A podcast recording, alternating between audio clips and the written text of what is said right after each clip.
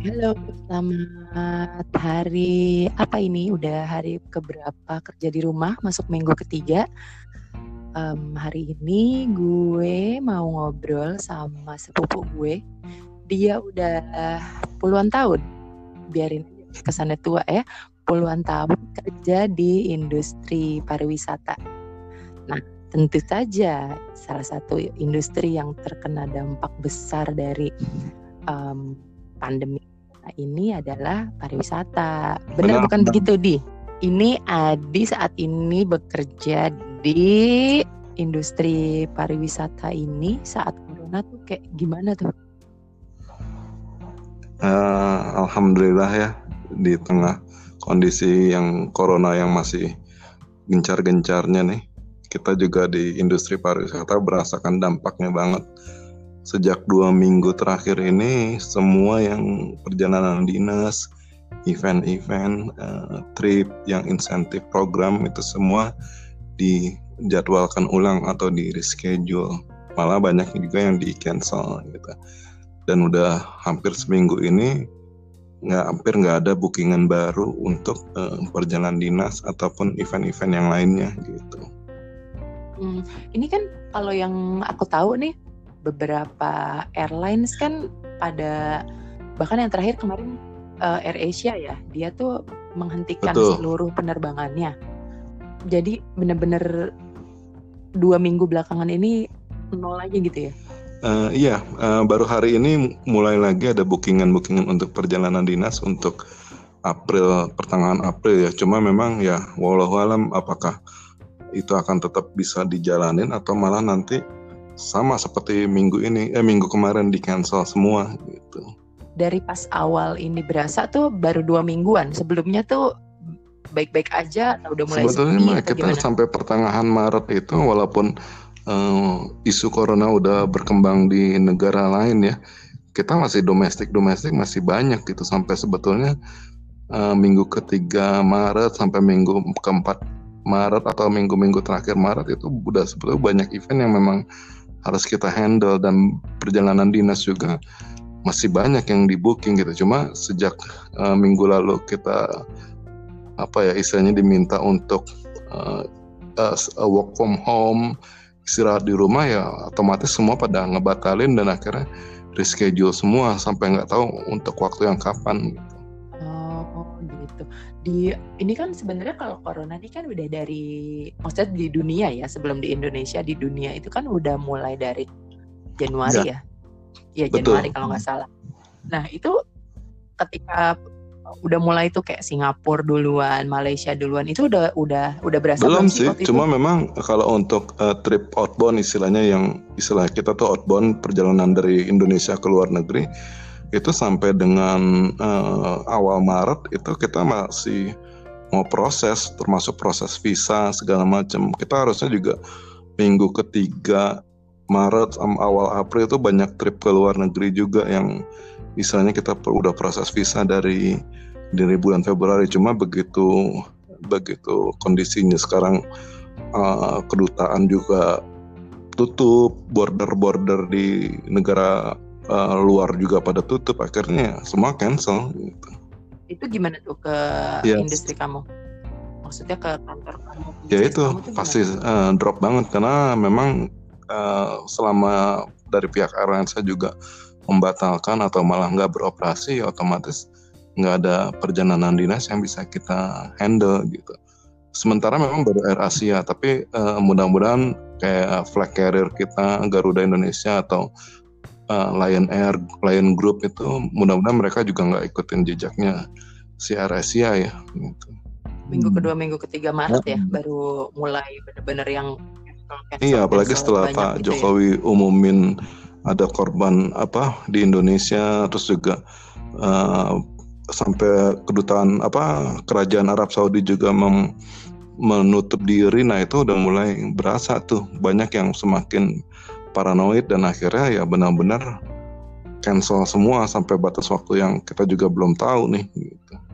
Oh, sih tapi memang paling berasanya akhirnya beratnya itu pas di Indonesia udah mulai ada pasien ya? Ya eh, betul, di situlah mulai berguguran orang pada mulai cancel cancel event yang kita udah DP-in ke hotel, kita udah DP ke beberapa vendor yang untuk uh, trip apa event meeting, event gathering di minggu ketiga, minggu Maret ini juga udah pada akhirnya yang mau nggak mau cancel semua. Gitu. Aduh, itu di semua travel tuh. Iya, kita di perkumpulan sampai asosiasi asosiasi industri kita juga dari minggu kemarin dia ngeluarin uh, kayak pooling juga dan rata-rata hasilnya semua sama gitu dan kita di WhatsApp grup atau di asosiasi-asosiasi itu juga udah ya udah sampai hmm, semuanya gitu. Mau industri yang umroh, yang konvensional atau yang IO segala macam ya sama. Efek paling beratnya di apa di?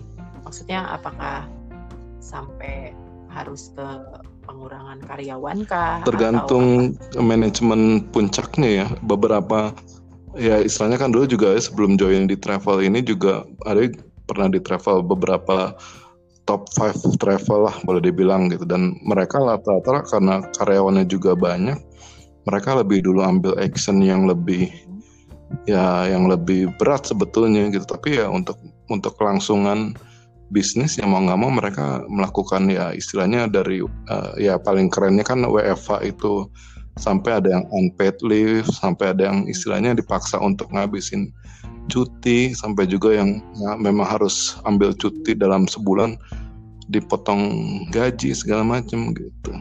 Kalau di tempat uh, kamu gimana? so far sih kita untuk gitu. bulan April kita malah uh, tiga hari tiga hari dalam seminggu kita tetap harus masuk gitu. Tapi otomatis juga itu juga akan mengurangi gaji pokok juga gitu. Malah tempat ini ya udah pada DPHK juga ada yang karyawan kontrak gitu. Aduh. Ya itu itu realitanya lebaran nggak ada lebaran nggak ada sama sekali istilahnya uh, ya mau mau travel yang biasa main outbound ya entah itu ke Asia, Eropa, Amerika, Australia itu semua eh, nggak uh, ada yang uh, bookingan sama sekali. Gitu. Padahal mereka udah siapin. Biasanya tuh kita di industri travel itu namanya Lebaran itu uh, salah satu peak seasonnya, salah satu sumber income travel karena ya di situlah kita juga harus ngeluarin tutupin biaya THR kan. Makanya kita berharap si peak season lebaran itu bisa uh, mendatangkan penjualan yang cukup besar gitu. Tapi realita realitanya dari ya minggu dua minggu lalu lah semua udah bilang zero. Ber, ber bukan berandai-andai ya kalau misalnya um, balik lagi nih akhirnya situasi si corona ini bisa diatasin. Itu kira-kira butuh berapa lama sih untuk industri pariwisata uh, supaya bisa balik lagi kalau ya kalau ngelihat dari 98 ya kebetulan memang waktu itu uh, join di industri pariwisata dari tahun 97 kan.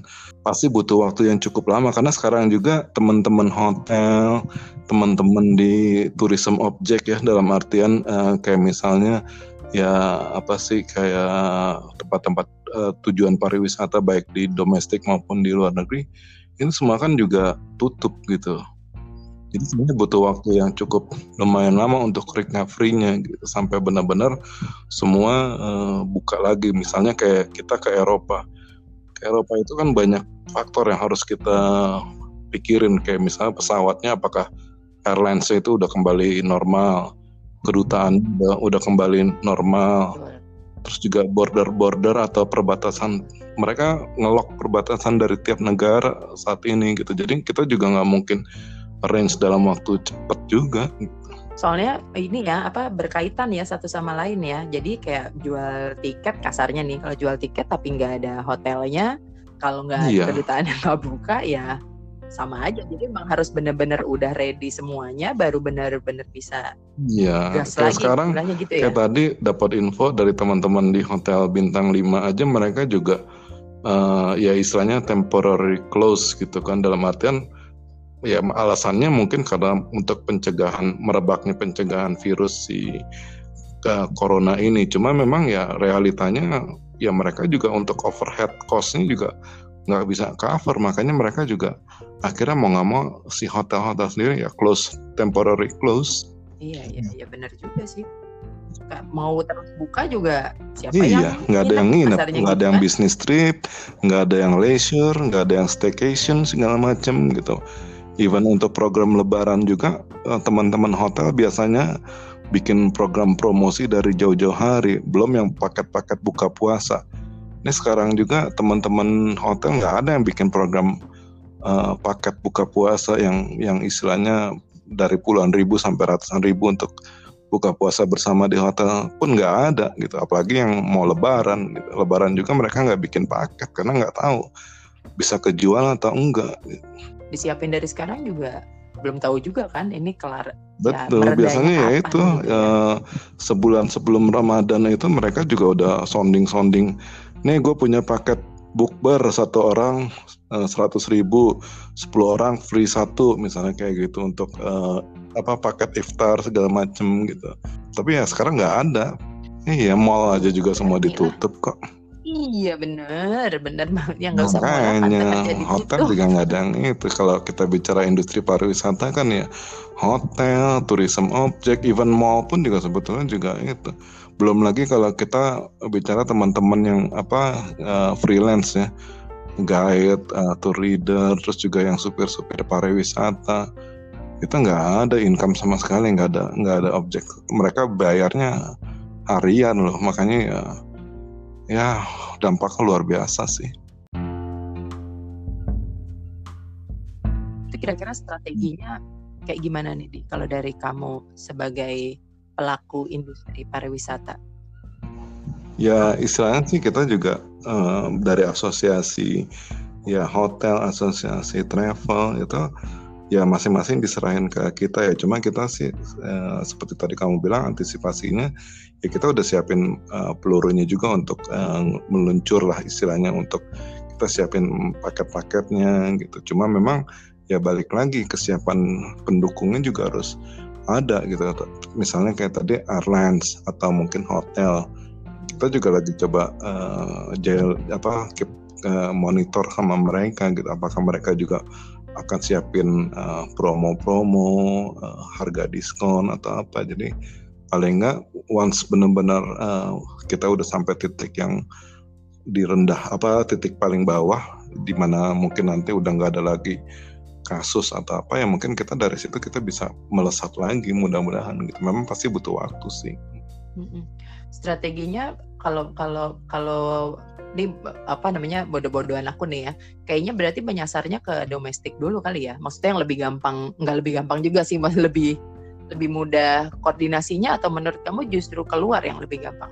Ya kalau kita bicara realitanya pasti domestik ya karena memang uh, sebelum istilahnya kita di apa ya di di work di di di istirahat stay di rumah gitu kan kita juga udah banyak coba kembangin paket-paket domestik gitu. Karena kita tahu di luar itu lebih dulu mereka ambil action untuk uh, apa ya istilah lockdown lah gitu. Walaupun mungkin nggak seluruhnya cuma ya dari situ kita uh, seperti program pemerintah juga kita juga gencarin si domestik juga gitu. Tapi balik lagi uh, kesiapan uh, pendukungnya bisa nggak walaupun cuma domestik ya kalau ternyata hotelnya nggak ada terus juga uh, tiketnya juga nggak ada terus juga mungkin ada masih ada beberapa orang yang masih disuspek untuk si corona ini ya mungkin nggak akan siap juga sebagai pelaku industri pariwisata harapannya apa sih di? Kalau realitanya sih mungkin mewakili teman-teman juga karena memang ya kita juga sama lah sama di di yang lain di bidang usaha yang lain kita sering meeting walaupun via aplikasi gitu kan.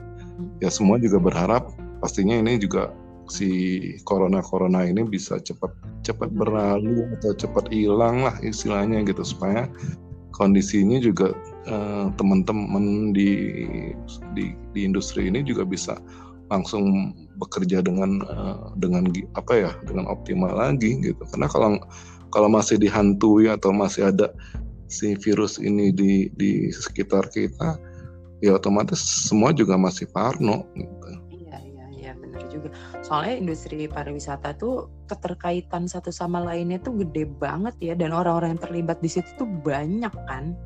Betul, istilahnya kan prediksinya aja kan sampai puluhan juta orang yang istilahnya akan terdampak dari industri ini walaupun mungkin travel itu hanya bagian kecil dari uh, industri ini tapi semuanya juga pasti akan saling uh, terkoneksi entah itu travel yang konvensional maupun tra apa uh, tour and travel yang memang sudah uh, online misalnya gitu. Dampaknya akan tetap ada.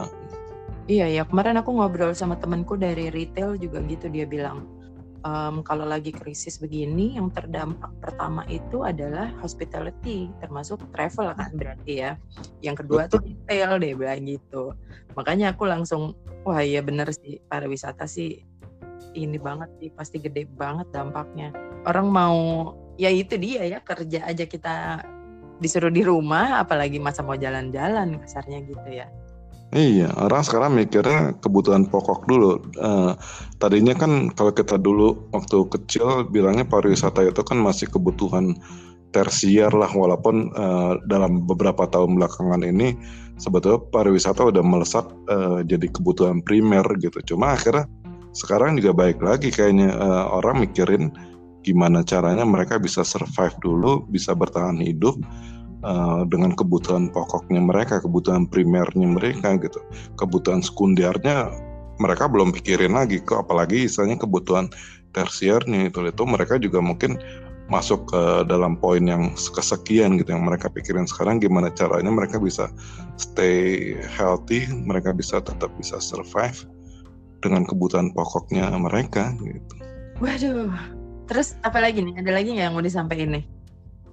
Ya, ya pastinya sih ya balik lagi tadi harapan-harapan itu yang mudah-mudahan nggak cuma sebatas harapan ya, istilahnya um, kita harus bisa benar-benar nggak cuma dari industri ini, mungkin juga harus bergandengan tangan semuanya juga kesampingin dulu masalah politik, masalah agama segala macam. Kita harusnya satu satu tujuan fight untuk mm, melawan si virus ini dengan berbagai cara gitu.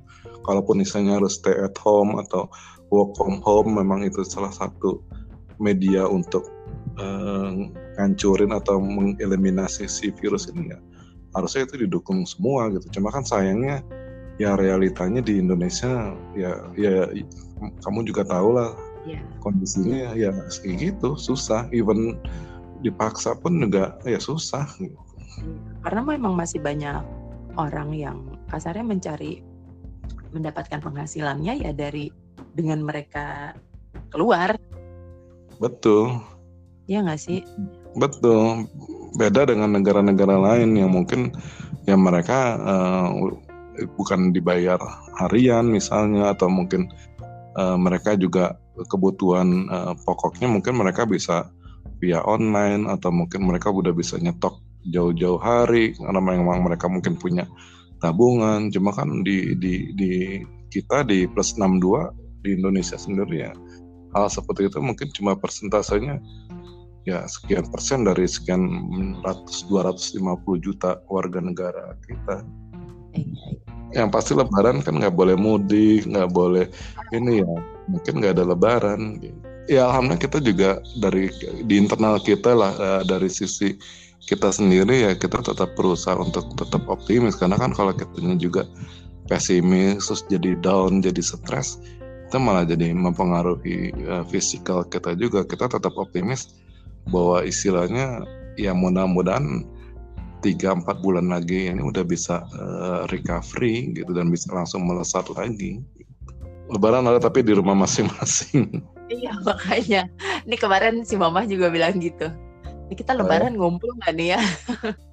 Nah, bilang ya udah kita lihat nanti lah nih gimana.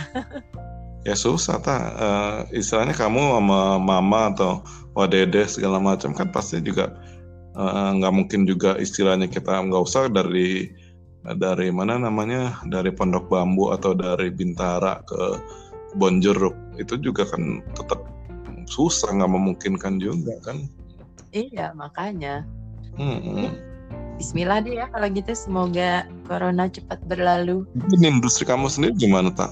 Terus kayak produksi-produksian yang sama brand hmm. itu ya sama juga mereka semua ngekat budgetnya kayak kayak gitulah terus juga kita produksian kan produksi uh, apa company aku kan produksiannya syuting juga kan produksi audio video ya Hmm. nggak boleh juga syuting Oh, Jadi sama. iya. sama aja lah gitu ya Bismillah lah semoga semuanya cepat berlalu Amin, amin. Ya udah mudah-mudahan lah gitu. terima kasih banyak selamat menikmati bekerja di rumah mungkin ini waktunya kita juga dekat lagi sama keluarga Ya, Bayar. betul. ya kan bayar waktu yang hilang karena kemarin-kemarin ini sibuk Betul. Tuh, ya udah. Makasih ya, Di.